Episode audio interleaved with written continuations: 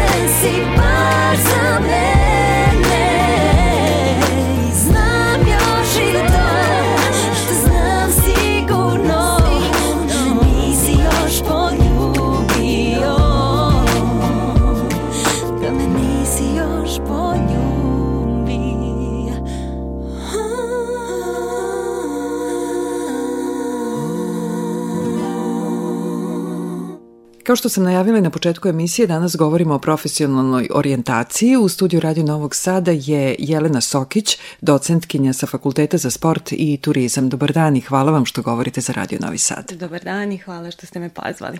Ovo je tema koja ovih dana posebno interesuje buduće srednjoškolce i buduće studente, ali i njihove roditelje. Neko kaže da smo poranili, a ima onih opet koji kažu da smo zakasnili sa ovom temom. Šta vi kažete? Pa to definitivno jeste jedno važno i nekako sveobuhvatno pitanje i za srednjoškolce i za roditelje. E, mislim da nikad nije kasno da se odlučimo za takvu vrstu procene. Nekad može da deluje da čak i ako su upisali neku školu koja im ne odgovara, to ne znači da su zakasnili i da mogu da se vrate zapravo jeli, na put, odnosno na profesionalni put koji odgovara njihovim interesovanjima. Šta je ono što vas najčešće pitaju? Pa, obično je najčešće pitanje koju školu da upišem a, ili koji fakultet da upišem. Za roditelje obično to bude i pitanje kako da znam da će moje dete biti uspešno u, tim, uh, u tom zanimanju, što su sve pitanja na koja nije lako dati jednostavan odgovor, nego podrazumeva da treba da prođemo kroz onako nekoliko faza ispitivanja različitih i interesovanja i talenata i sposobnosti koje deca imaju, ali istovremeno i to čime se i roditelji bave i na koji način oni pružaju podršku u stvari svojoj deci uh, kada je u pitanju izbor škole. A čime treba da se rukovodimo onim što je traženo ili onim što volimo? Um, da, to je odlično pitanje. Uh, jako je važno da se dobro osjećamo uh, sa onim što uh, se zapravo, čime se bavimo, uh, zato što će to nekad u budućnosti da nam zapravo troši dve trećine našeg dana, tako da jeste jako važno da mi uživamo u stvarima koje smo odabrali i u nekom našem profesionalnom putu, ali je takođe važno i da biramo ono što će nam doneti, jel tako, nešto što će nam obezbediti i egzistenciju. To nije nemoguće uraditi i nije nemoguće upariti a, osobine i sposobnosti koje osobi jako dobro idu sa onim što će za njih nekako biti profitabilno kasnije, pa ukoliko živaju u a, onome što rade, onda će biti motivisani i da na neki način istrpe sve one teške izazove koji su neophodni da bi stigli do nekih ciljeva koji su oni sebi zacrtali.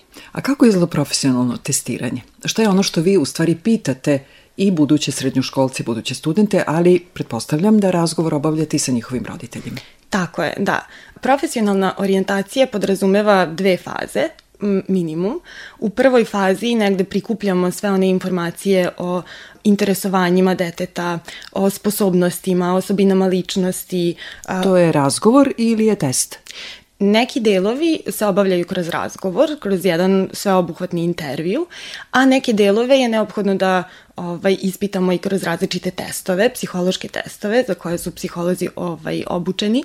A, to su, na primjer, testovi ličnosti, testovi intelektualnih sposobnosti, a, testovi profesionalnih interesovanja. Međutim, veliki deo informacije se dobija i kroz intervju, poput, na primjer, a, vrednosti koje osoba, na primjer, ima ili razgovore takođe i sa roditeljima, kako, a, na koji način oni podržavaju, kako se dete takođe motiviše, na koji način sebe motiviše da uči predmete koje ne voli, na primer, ili neke stvari koje im, koje im nisu toliko uh, stimulativne, a onda na osnovu svih tih prikupljenih informacija se ulazi u takozvanu drugu fazu koja je zapravo karijerno savetovanje. A cilj toga je da se nekako kreira najbolji razvojni scenario za dete uh, u smislu jel, profesionalnog puta i profesionalnih interesovanja i na taj način onda uparujemo sve ove rezultate koje smo dobili od deteta i informacije od deteta i roditelja sa tim da li one odgovaraju zapravo profesijama koje je dete recimo odabralo ili treba da se nekako redefiniše ili da se uputi na neku drugu stranu. Malo tehničkih podataka, mm -hmm. dakle koliko traje razgovor i testiranje kada se dođe kod vas na testiranje, koliko ima pitanja i kad se dobiju rezultati? Postoje naravno varijacije, ali nekako najčešće to podrazumeva da a, dete obavi neke testove koji mu oduzimaju otprilike oko pola sata dok popunjava testove. Zatim... To nisu testovi znanja? Ne, ne, ne. To nisu testovi da to znanja. Kažem. Da, to su kao što sam pomenula, testovi ličnosti ili testovi profesionalnih interesovanja, dakle to može da traje od pola sata do recimo sat vremena. Primera uh, radi neko pitanje?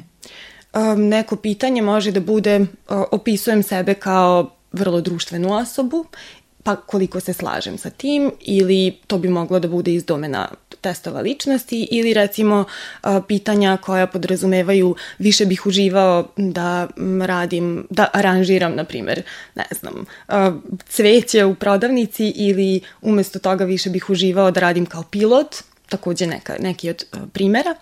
Onda nakon toga sledi jedan susret koji podrazumeva intervju gde To prikupljamo je istog dana? Sledećeg dana se dogovara intervju gde od deteta prikupljamo različite informacije poput, na primer, šta je to što ih motiviše, da li su orijentisani na proces ili na rezultat, u smislu da li a, više vole da nekako stvari obave na vreme ili im je nekad važnije da se posvete a, kvalitetno onome što rade, pa sad da li će probiti rok ili ne, dakle to su nam sve važne informacije, ko su njihovi uzori, a, koje su karakteristike tih uzora, na primjer to mogu da budu um, i likovi iz dela i filmova i tako dalje, ali mnogo informacija možemo da prikupimo i o tome šta je to što njih motiviše. Nakon toga onda radimo i test intelektualnih sposobnosti koji najčešće oduzima oko sat vremena. To su testovi koji ispituju da li se neko bolje snalazi sa baratanjem verbalnog materijala ili neverbalnog, da li je više orijentisan na, neke, na neka praktična rešenja, na manipulisanje nekim objektima ili, na primjer, nekakve jel tako, veštine da barata numeričkim ili verbalnim konceptima i tako dalje. Kada se sve to obavi, Nekad, naročito ako su deca mlađa, uvek je preporučljivo da budu i roditelji tu, da se i od roditelja prikupe različite informacije, šta su oni završili, da li, kolika je porodica, odnosno da li postoje braća, sestre, na koji način oni utiču na odluku deteta ovaj, da donese svoju odluku o svom profesionalnom razvoju i kada se prikupe sve te informacije, onda obično kroz nekih nedelju dana se zakaže novi razgovor gde dođe dete sa roditeljima i onda im se jel, predstave rezultati koje smo dobili i predstave im se preporuke i smernice u kom pravcu dalje sada može da se razvija ovaj, detetov profesionalni put. A, takođe to obično ide i uz preporuke a, nekih veština, na primjer, za koje se proceni da dete u tom trenutku možda nema, a koje bi mu pomogle da ostvari najbolje rezultate ili neke veštine koje već ima, a koje bi trebalo dalje da razvija takođe da bi ostvario najbolje rezultate. Nastavit ćemo razgovor. Tema današnjeg abakusa je profesionalna orijentacija. U studiju Radio Novog Sada je Jelena Sokić, docentkinja sa Fakulteta za sport i turizam.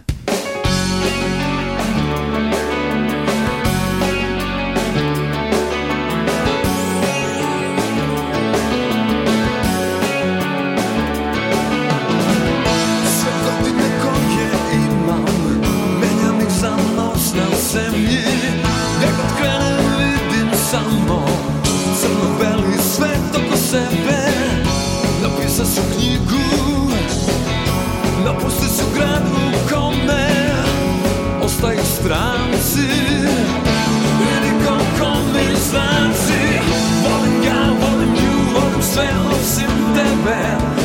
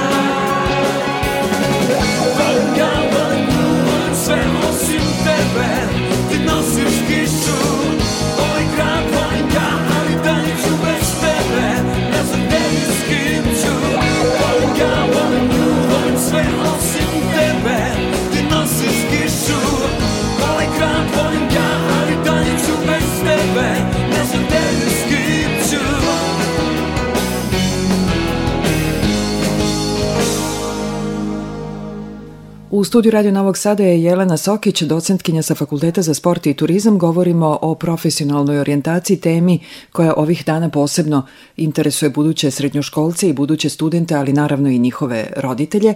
Koje su najčešća pitanja koja vam postavljaju roditelji? Jedno od najčešćih pitanja je svakako to a, kako ja da znam i da budem siguran da će moje dete biti a, uspešno u onome što odabere na to pitanje ne možemo da damo jednostavan odgovor. Druga pitanja takođe podrazumevaju i to koja su zanimanja najprofitabilnija. Mi znamo da danas postoje, postoji veliki broj zanimanja koja, na primjer, kada sam ja upisivala fakultet, nisu postojala. Neka od drugih takođe čestih pitanja podrazumevaju a, i to kako da a, dete motivišu ili kako da podrže takođe u svom razvojnom putu. Kako reaguju kada im kažete vašu procenu? Da li se iznenade ili najčešće to bude ono što su i očekivali. Kako kad? Dešava se nekad ovaj, i da se iznenade, a, dešava se nekad da zapravo dođu kao po neku vrstu sigurnosti da je to zapravo dobra odluka. Sve zavisi i od roditelja koliko su to njihove želje ili koliko zapravo dobro procenjuju i svoje dete. A, nema nekog pravila. Ne mogu da kažem da postoji pravilo, ajde, ako bih morala da odaberem možda malo češće to uvek bude u, u, u smislu sigurnosti. Dešava se da ovaj, nekad uh, de, deca imaju neke skrivene ili talente ili sposobnosti koje izborom nekog fakulteta ili izborom neke srednje škole bi možda zanemarili, to ne mora nužno da utiče na odluku koju će oni na kraju doneti, ali je dobro da znaju da to jesu njihove snage koje dalje mogu da razvijaju, koje će im možda obogatiti posao koji odaberu kasnije. Da li su budući studenti i budući srednjoškolci otvoreni za razgovor sa vama pred roditeljima ili kada su sami sa vama? Pa obično je to kada su sami. Takođe, opet kažem, nema pravila i sve zavisi na koji način roditelji jesu tu uz decu i dešava se da deca budu spremnije da kažu uh, da recimo žele neke, uh, neke poslove iz domena umetnosti kada roditelji nisu tu.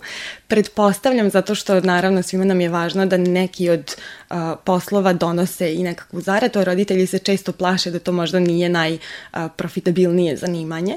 Tako da te, ta vrsta zanimanja je nekako lakša da se kaže kada smo jedan na jedan, ali generalno to ovaj, onako, mnogo je lakše da se i oni sami otvore i da barem kažu šta je to što ih interesuje ili ko su im uzori. Često se dešava sad nisam sigurna da li je to na žalost ili na sreću, ali da deca a, najčešće kažu da su im uzori ili da vide sebe za pet godina kao direktora neke IT firme, što s jedne strane je lepa stvar da onako razmišljaju o budućnosti, ali s druge strane to nam govori i o vrednostima koje sebi postavljaju, koje su isključivo materijalne, što e, može da bude dobro, nema ništa loše u tome da imaju materijalne vrednosti, ali ono što je problematično jeste da ako su to isključivi motivatori, onda će to biti onda će biti teško njima da se izbore sa onim teškim izazovima, odnosno kada im nešto nije dovoljno zanimljivo, a svaki fakultet i svaka škola podrazumeva da imamo neke delove koji nam nisu najzanimljiviji, onda će im biti teško da ostanu istrajni i uporni zapravo u takvim situacijama. Šta kada pogrešimo? Kada pogrešimo, prihvatimo grešku i ispravimo greške naravno su deo svakodnevnog života i a, iz svake te greške zapravo možemo da naučimo upravo ono šta je to što nas ispunjava, šta je to što nam pomaže da donesemo pravu odluku, šta je to što nas mnogo više motiviše i da se onda preorijentišemo. Svakako ako dete upiše i neku školu za koju se ispostavi ili fakultet za koji se ispostavi da nije pravi izbor za njih, sigurno je da su stekli i neke druge i veštine i znanja koje će im kasnije možda samo olakšati ili pomoći ili obogatiti dalji izbor. Šta kažete osnovcima ili srednjoškolcima koji su dobri u svim predmetima? Dakle koji svoje zadatke obavljaju bez obzira iz koje oblasti je taj neki predmet koji uče u školi. Da, to je ovaj, važno pitanje i za decu i za roditelje i najbolji odgovor na to je zapravo da profesionalna orijentacija je mnogo sveobuhvatniji proces i procenjuje različite aspekte u odnosu na to šta, samo šta se detetu dopada ili čemu je on dobar ili šta mu dobro ide. Uh, veliki deo orijentacije se odnosi i na procenu i sposobnosti i motivacije i uh, stvari jel, koje dete voli ili ne voli da uradi i uh, nije samo stvar toga da li on može nešto dobro da uradi, nego da li ga i motiviše i da li je on spreman da se na neki način uključi mnogo više i da li uživa u samom tom procesu. Tako da veliki deo i za roditelje i za decu podrazumeva da istražuju različite aspekte i poslova koje dete ili odnosno zadataka koje dete obavlja. Kad su u pitanju osnovci, na primjer ako je takva situacija, mnogo češće se preporučuje da onda upišu recimo gimnaziju, zato što im to dozvoljava još jedan duži prostor da istražuju svoja interesovanja, dok s druge strane za decu koje upisuju fakultete, To može da podrazumeva da još jedan dodatni domaći zadatak, da se, na primer, informišu na različitim fakultetima, da odu, da pokušaju da provedu jedan dan sa studentima na fakultetu, veliki broj fakulteta ima otvorena vrata za srednjoškolce ili na kraju krajeva i o, onako da se raspitaju i anketiraju i svoje komšije, rodbinu, prijatelje i tako dalje, da čuju kako izgledaju svi ti poslovi i da se onda na osnovu toga definiše šta je to što njima dobro ide, ali u čemu će oni i uživati to što deca uh, mogu da se snađu u različitim zadacima može samo da bude plus za njih, a sve onda ona dodatna druga pitanja će nam pomoći da nađemo pravi odgovor u čemu će dalje moći da se najbolje razvija. Da li ste imali situaciju da se ono što žele roditelji, ono što preporučuju rodi, roditelji, jako razlikuje od onoga što vidite da bi deca htela? Da, pa ima naravno i takvih situacija I o, takve situacije se često rešavaju tako što se i roditelji suoče sa tim koje su to zapravo o, sposobnosti koje, de, koje treba negovati kod dece. Oni vrlo često dobro reaguju na to, naravno zato što svaki roditelj želi najbolje za svoje dete i vrlo lepo prihvate to da nekad njihove želje i njihove ideje možda uh, nekako nisu najizgodnije ili neće iskoristiti sve potencijale deteta koje dete ima. Tako da dešava se ne toliko često, ali ume da se desi i roditelji isto tako lepo reaguju na, na preporuke. Sigurna sam da su naši slušalci danas čuli odgovore na neka od pitanja koje bi vam postavili, a ako imate još neka pitanja za moju današnju sagovornicu, pošaljite nam to pitanje na abakus.rtv.rs, a u jednoj od sledećih emisija čućete i odgovor. Za današnji Abakus govorila je Jelena Sokić, docentkinja sa Fakulteta za sport i turizam. Jelena, hvala vam što ste danas bili u studiju Radio Novog Sada. Hvala Mm-hmm.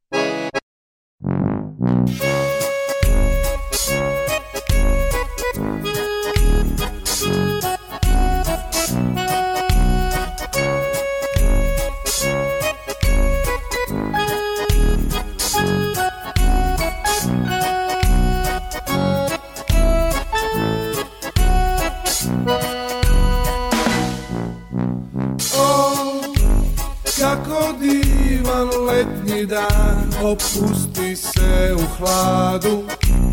Ulicama šetaju devojčice Svuda su po gradu. Dele osmehe i mame naše uzdahe. A ja, ja sam len. Len kao lenja Pita ne skitam Samo gledam noge oke plane i daj beli osmeh oko glave. To što volim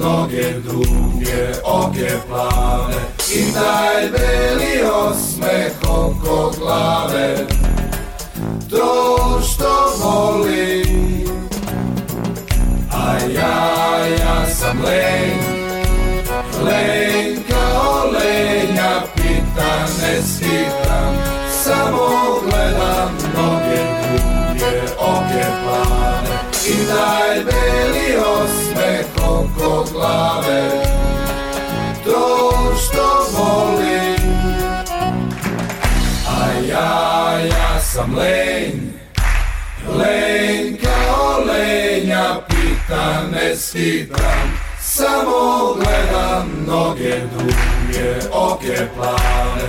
I taj beli osmeh oko glave. To što volim. A ja, ja sam len.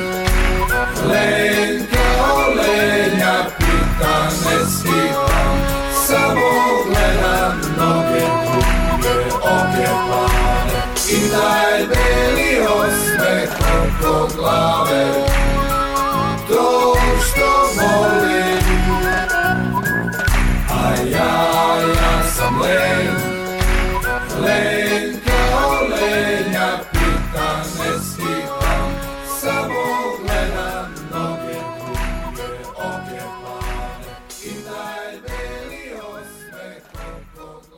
Ne menjamo temu, u Abakusu nastavljamo priču o profesionalnoj orijentaciji. U studiju Radio Novog Sada je Smiljana Živolić iz marketing službe Fakulteta tehničkih nauka u Novom Sadu, inače administratorka Facebook grupe o kojoj ćemo danas govoriti, a Facebook grupa je Biću student FTN, crtica, upis 2020.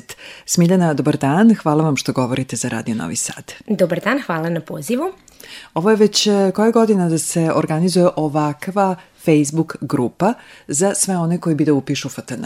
Ovo je već deseta grupa po redu, dakle od 2010. godine mi zvanično uh, formiramo grupu na Facebooku gde maturanti imaju priliku da se učlane i postave bilo koja pitanja. I koje pitanja najčešće postavljaju?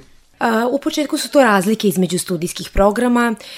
Ono što njih najviše zanima, imamo 30 studijskih programa, pa su te razlike ono što njima možda nekada nije najjasnije.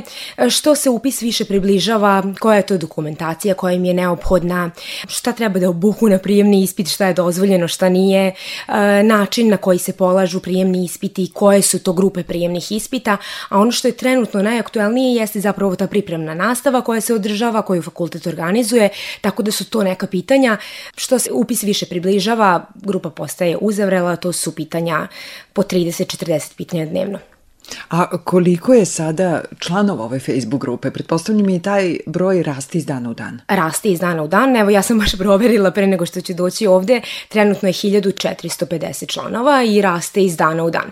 Mi prognoziramo da će do upisa, dakle do juna meseca, ta grupa imati blizu 3000 članova, jer je tako bilo prethodne godine. S obzirom da ste Smiljana rekli koja su pitanja koje vam najčešće postavljaju, evo da i mi odgovorimo na neka od tih. E sad, e, jedno od tih jesu upravo uh, pripremna nastava koja se organizuje, dakle Fakultet tehničkih nauka organizuje uh, trenutno dva ciklusa pripremne nastave iz matematike. Jedan ciklus je već krenuo 1. februara, drugi ciklus će krenuti 7. marta u fondu od 40 časova. U maju mesecu će takođe organizovan biti kurs u fondu od 40 časova. Zatim u junu će biti jedan skraćeni kurs u fondu od 20 časova i jedan ekspres kurs pred sam prijemni ispit. Takođe, Fakultet tehničkih nauka održava i pripremnu nastavu iz arhitekture i takođe scenske arhitekture, tehnike i dizajna i to je ono što maturante najviše zanima. Još ono što ih uh, prilično zanima jeste ta dokumentacija. E, to su sva četiri svedočanstva srednje škole, diploma o završenom srednjem obrazovanju i lična karta i naravno e, ono što svi moraju da imaju jeste završena četvrogodišnja srednja škola. I vi ste student FTN. Ja sam student FTN, na master studijama sam na smjeru računarstva i automatika i ono što posebno volim da kažem da je to njima poznatije kao E2, jer je to 30 različitih studijskih programa, svaki od njih ima neku skraćenicu koju, kojom oni barataju i tako i mi izlazimo u susret da im se tako i izražavamo. Da li je najbolje da informacije dobiju upravo od studenta? Mislim na one koji tek treba da postanu studenti. A, ja se s tim slažem. E, Fakultet tehničkih nauka se po tome i ističe zato što na naše promocije i po srednjim školama i na Facebook grupi članovi su zapravo studenti svih nivoa studija, različitih studijskih programa i nekako je i maturantima, odnosno srednjoškolcima najlakše da postave pitanje nekome ko je um, nedavno upisivao fakultet, nekome ko će uh, im bez problema reći da, to je malo teže ili ne, to nije uopšte teško. Uh, taj, taj odnos između studenta i budućeg studenta je uh, nešto o čemu mi vodimo računa i zašto baš studenti su najbolji ambasadori Fakulteta tehničkih nauka. A kada vam se obrate roditelji budućih studenta? Vrlo često se dešava da se i roditelji obrać, obraćaju i da su i roditelji članovi uh, upravo te Facebook grupe o kojoj smo govorili. Uh, volimo da im damo informacije iste koje bismo dali i uh, maturantima, ali, im, ali ih uputimo da možda nam daju na, na telefon i maturanta, da sa njim porazgovaramo, jer opet to su te godine 18, 18 godina kada oni već polako trebaju i sami da se raspituju za sebe, da roditelje ostave po strani, baš što se tiče tih pitanja koja, ko, o kojima će oni uskoro morati voditi sami računa. E, to je za roditelje malo teže. A da li vas e, pitaju i koliko je teško i koliko treba da se uči na, na fakultetu, da li ima slobodnog vremena, kakve su neke van nastavne aktivnosti, uslovno rečeno, organizovane na FTN-u? To su i takođe jedno od čestih pitanja. Sad, da li je to teško ili nije, mi opet kažemo uvek da je to individualna stvar, nekom jeste, nekom nije, svi smo mi različiti. E, što se tiče tog slobodnog vremena, opet i tu rado ističemo da se taj fakultet ne razlikuje značajno od srednje škole, jer stvarno na fakultetu tehničkih nauka a, nastava je u kontinuitetu, dakle vrlo redko se dešava da je, a, ne znam, da imaju predavanja u 7 ujutru, a onda vežbe u 5 posle podne, dakle to se gotovo nikada neće desiti fakultet zaista nastoji da studentima omogući da što bolje oni organizuju svoje vreme i pored tih vežbi, predavanja i nečega što je obavezno i što čini taj studentski život sa aspekta ozbiljnosti. Tu su i mnoge e, druge stvari koje taj studentski život upotpunjuju, kao što su studentske organizacije. Na fakultetu deluje oko nekih 15 različitih studentskih organizacija koje okupljaju studente različitih studijskih programa gde, gde će oni zajedno deliti interesovanje, možda putovati, organizovati određene događaje, konferencije, sajmove zapošljavanja i slično. E, takođe tu su i jade koje mi e, organizujemo i što je onako najsličnije njihovim ekskurzijama gde oni odlaze da se takmiče u sportu, u znanju ili ko ne želi da se takmiče, može da ode da podržava svoje kolege. I ono što je isto važno i što upotpunjava taj studentski život jeste zapravo studentske razmene, jer Fakultet tehničkih nauka ima izuzetnu saradnju sa univerzitetima širom Evrope i ne samo širom Evrope, već i širom sveta, gde studenti imaju priliku da odu na jedan semestar ili dva i polažu tamo ispite i kada se vrate na fakultet, njima je sve to što su položili priznato i zapravo nisu ništa izgubili, već su samo, samo dobili jedno ogromno iskustvo koje je nemerljivo. E, FTN u maju organizuje i dan otvorenih vrata. Tako I to je prilika da se dobiju sve informacije ili dosta informacija u vezi sa studiranjem na tom fakultetu. E, tako je, e, dakle jedne subote u maju, e, čim budemo imali tačnu informaciju, to će biti na našem sajtu, takođe i na Facebook grupi. Dan otvorenih vrata mi tradicionalno organizujemo dva puta godišnje. Ovaj majski obično bude u sklopu festivala nauke koji se održava u kampusu i maturanti će imati priliku da poseti neke laboratorije koje otvaramo, da poslušaju prezentaciju o svim studijskim programima, prijemnom ispitu, načinu polaganja i slično, a ono po čemu mi izdvajamo taj dan otvorenih vrata jeste i kafa sa studentima u našem klubu Mašinac, gde će oni imati priliku da porazgovaraju sa studentima svih studijskih programa i da im postave bilo koje pitanje šta to njih najviše zanima. E, prijemni ispit je tad već relativno blizu i oni su jako uzbuđeni. Prošle godine je bilo oko 500 maturanata na danu otvorenih vrata u maju. Smiljana, spomenuli ste i prijemni ispit. Kako je najbolje da se spremaju? Pretpostavljam da je matematika tu obavezna. Matematika je na gotovo svim prijemnim ispitima obavezna, osim na arhitekturi, na scenskoj arhitekturi, tehniki, tehnici i dizajnu. Što se tiče pripreme za iz matematike, fakultet preporučuje zbirku koju mogu e, maturanti pronaći kod nas u skriptarnici i ona košta 700 dinara. Ono što je važno da napomenemo jeste da ukoliko poznaju nekoga ko je ranije upisivao upisivao e, FTN mogu da koriste slobodno njegovu zbirku iz razloga što ništa se značajno ne menja, osim što u na najnovijem izdanju je dodat poslednji prijemni ispit, međutim njega mogu da pronađu i na sajtu fakulteta.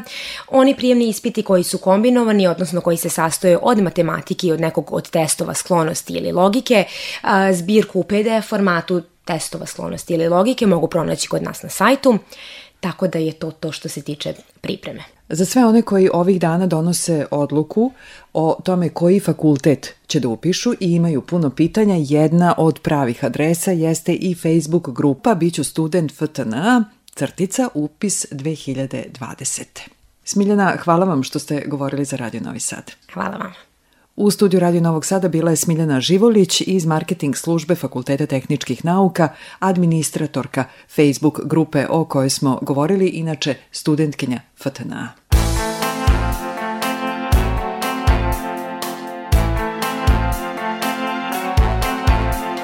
Sećam se ulice i kiše koja počinje Još čujem korake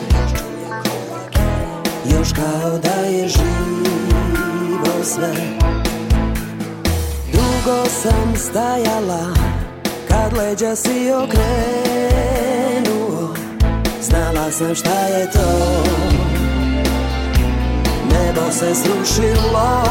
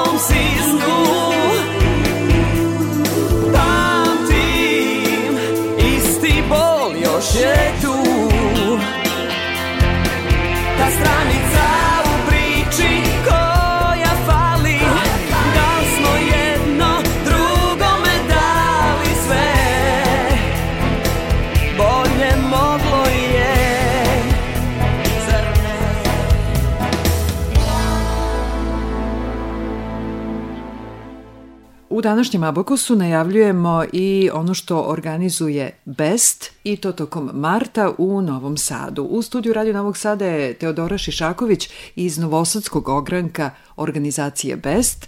Dobar dan, Teodora. Dobar dan. Prvo da otkrijemo šta je BEST. Da ste najbolji, to znamo. to svakako. BEST je Udruženje studenta tehnike Evrope i mi postojimo u 93 Evropska univerziteta u 34 evropske zemlje. Mi smo jedna studentska organizacija koja za svoju viziju ima osnaživanje različitosti, a za svoju misiju ima razvoj studenta, tako da sve što radimo i sve čime se bavimo, mi težimo da ostvarimo jel te, našu viziju i našu misiju. A šta je to što organizujete u martu? To u će martu, trajati skoro ceo mesec. Tako je, to, to počinje 7. marta i završava se 29. marta i svaki, jel te, svaki vikend će ovaj, biti neko dešavanje. Ove godine je šesta godina za redom da organizujemo Novosadski dan inženjera, tako da je ovo je najava za taj projekat. 7. Eh, marta i 14. marta će biti eh, radionice, diskusijani paneli, eh, sve za cilj razvoja mekih veština i unapređenja obrazovanja studenta na našem univerzitetu, dok 20. 21. i 22. marta će biti inženjersko takmičenje IBEC, to je jedan od projekata, najbrže rastućih projekata naše organizacije i on se održava u dve kategorije, case study i team design i tu je u suštini potrebno da oformite tim od četvoro ljudi ili možete da se prijavite sami, učešće je besplatno i uh, imate razne prilike da učestvujete na radionicama naših partnera kao i da se takmičite dalje na regionalnom nivou što će biti u Beogradu ili na finalnom nivou što će biti u Varšavi, da se takmičite sa studentima sa tih 93 univerziteta u Evropi. I kao velika završnica, tu je projekat A-Step 2030, um, koji je podržan od strane Erasmus Plus programa i uh, to je partnerstvo između četiri univerziteta, jedne kompanije, jednog studentskog udruženja i jedne studentske organizacije, to je BESTA i on je namenjen za dostizanje te neke održive Evrope, kako su danas popularni jako uh, ciljevi održivog razvoja Ujedinjenih nacija. Onda se ovaj projekat teži ka tome da uh, stvorimo takvo neko inženjersko obrazovanje, pošto su inženjeri ključni za dostizanje tih ciljeva, da stvorimo takvo neko obrazovanje gde će inženjeri moći da rade i da rešavaju probleme kako sadašnje, sadašnje probleme, tako i probleme budućnosti. To je taj inženjerski pristup rešavanju problema. Prvo da sve definišemo, pa onda rešavamo tako problem. Je. Da li je prijavljivanje već savršeno ili oni koji sada slušaju ovaj naš razgovor mogu još da vam se pridruže? Naravno, prijave su otvorene do 1. marta, ali će biti produžene kako nam je semestar tek počeo, pa ćemo malo da pritisnemo sa promocijom i svi zainteresovani studenti će moći da nam se pridruže na radionicama i IBEC-u, a prijave za EISTEP će se otvoriti početkom marta, isto tako kako se ove završi, tako će se ove otvoriti. Tako da, pošto su to nekako odvojeni projekti i imamo ograničen broj učesnika za ISTEP, pa želimo da, da razdvojimo i kako bismo mogli da napravimo selekciju 30 najperspektivnijih studenta na našem univerzitetu. Pretpostavljam sve preko društvenih mreža? O, naravno, društvene mreže su naš najjači adut na, možete nas pronaći na uh, Instagramu at best donje crta novi donje crta sad, uh, kao i na Facebooku uh, best novi sad. Što se tiče naše web stranice, uh, ukucate best novi sad, verujem da ćemo izaći među prvima ili uh, ibek.rs i tu možete da se prijavite za uh, naše fenomenalno takmičenje radionice. Pretpostavljam da će većina ovih događanja biti u rektoratu univerziteta. Tako je, ceo projekat će se održavati u zgradi rektorata našeg univerziteta, tako da želeli smo da ovo bude posebno, kako smo ove godine odlučili da napravimo nešto veće, tako da smo odobrali najlepšu postoriju na našem univerzitetu. Teodora Šišaković iz Besta za Radio Novi Sad. Hvala. Hvala vama.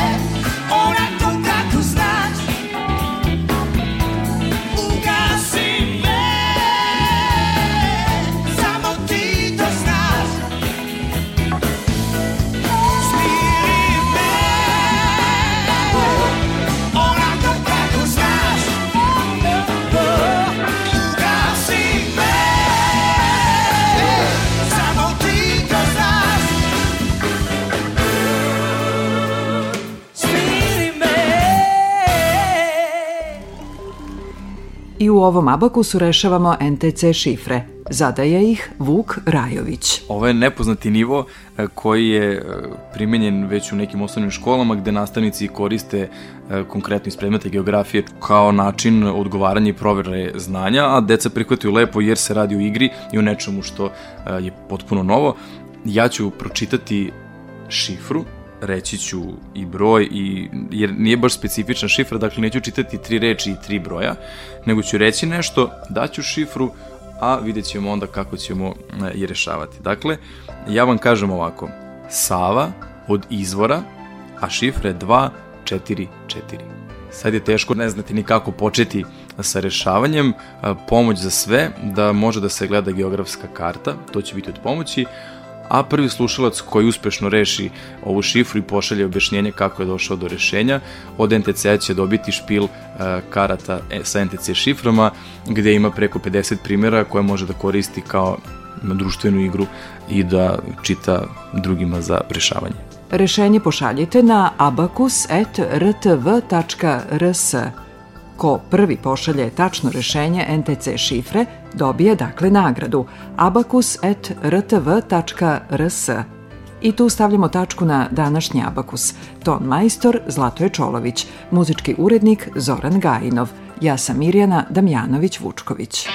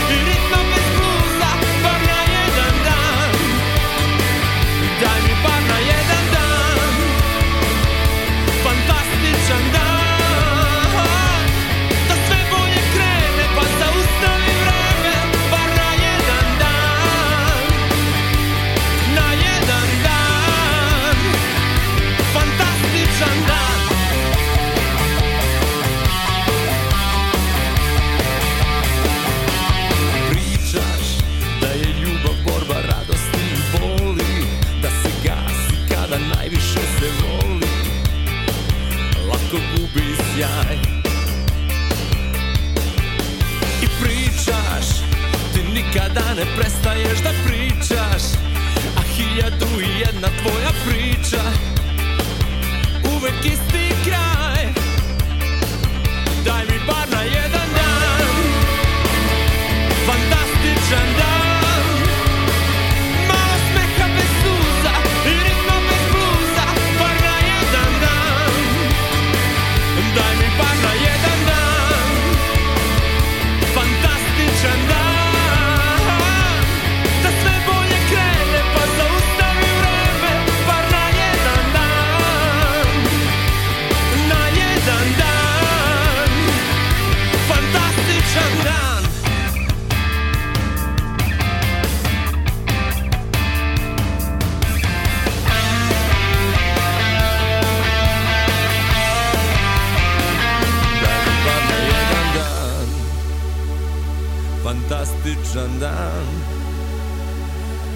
bolje krene Pa zaustavi vreme Bar na jedan dan. Daj mi bar na jedan dan Fantastičan dan. Malo smeha bez suza I ritma bez buza jedan dan. Daj mi bar na jedan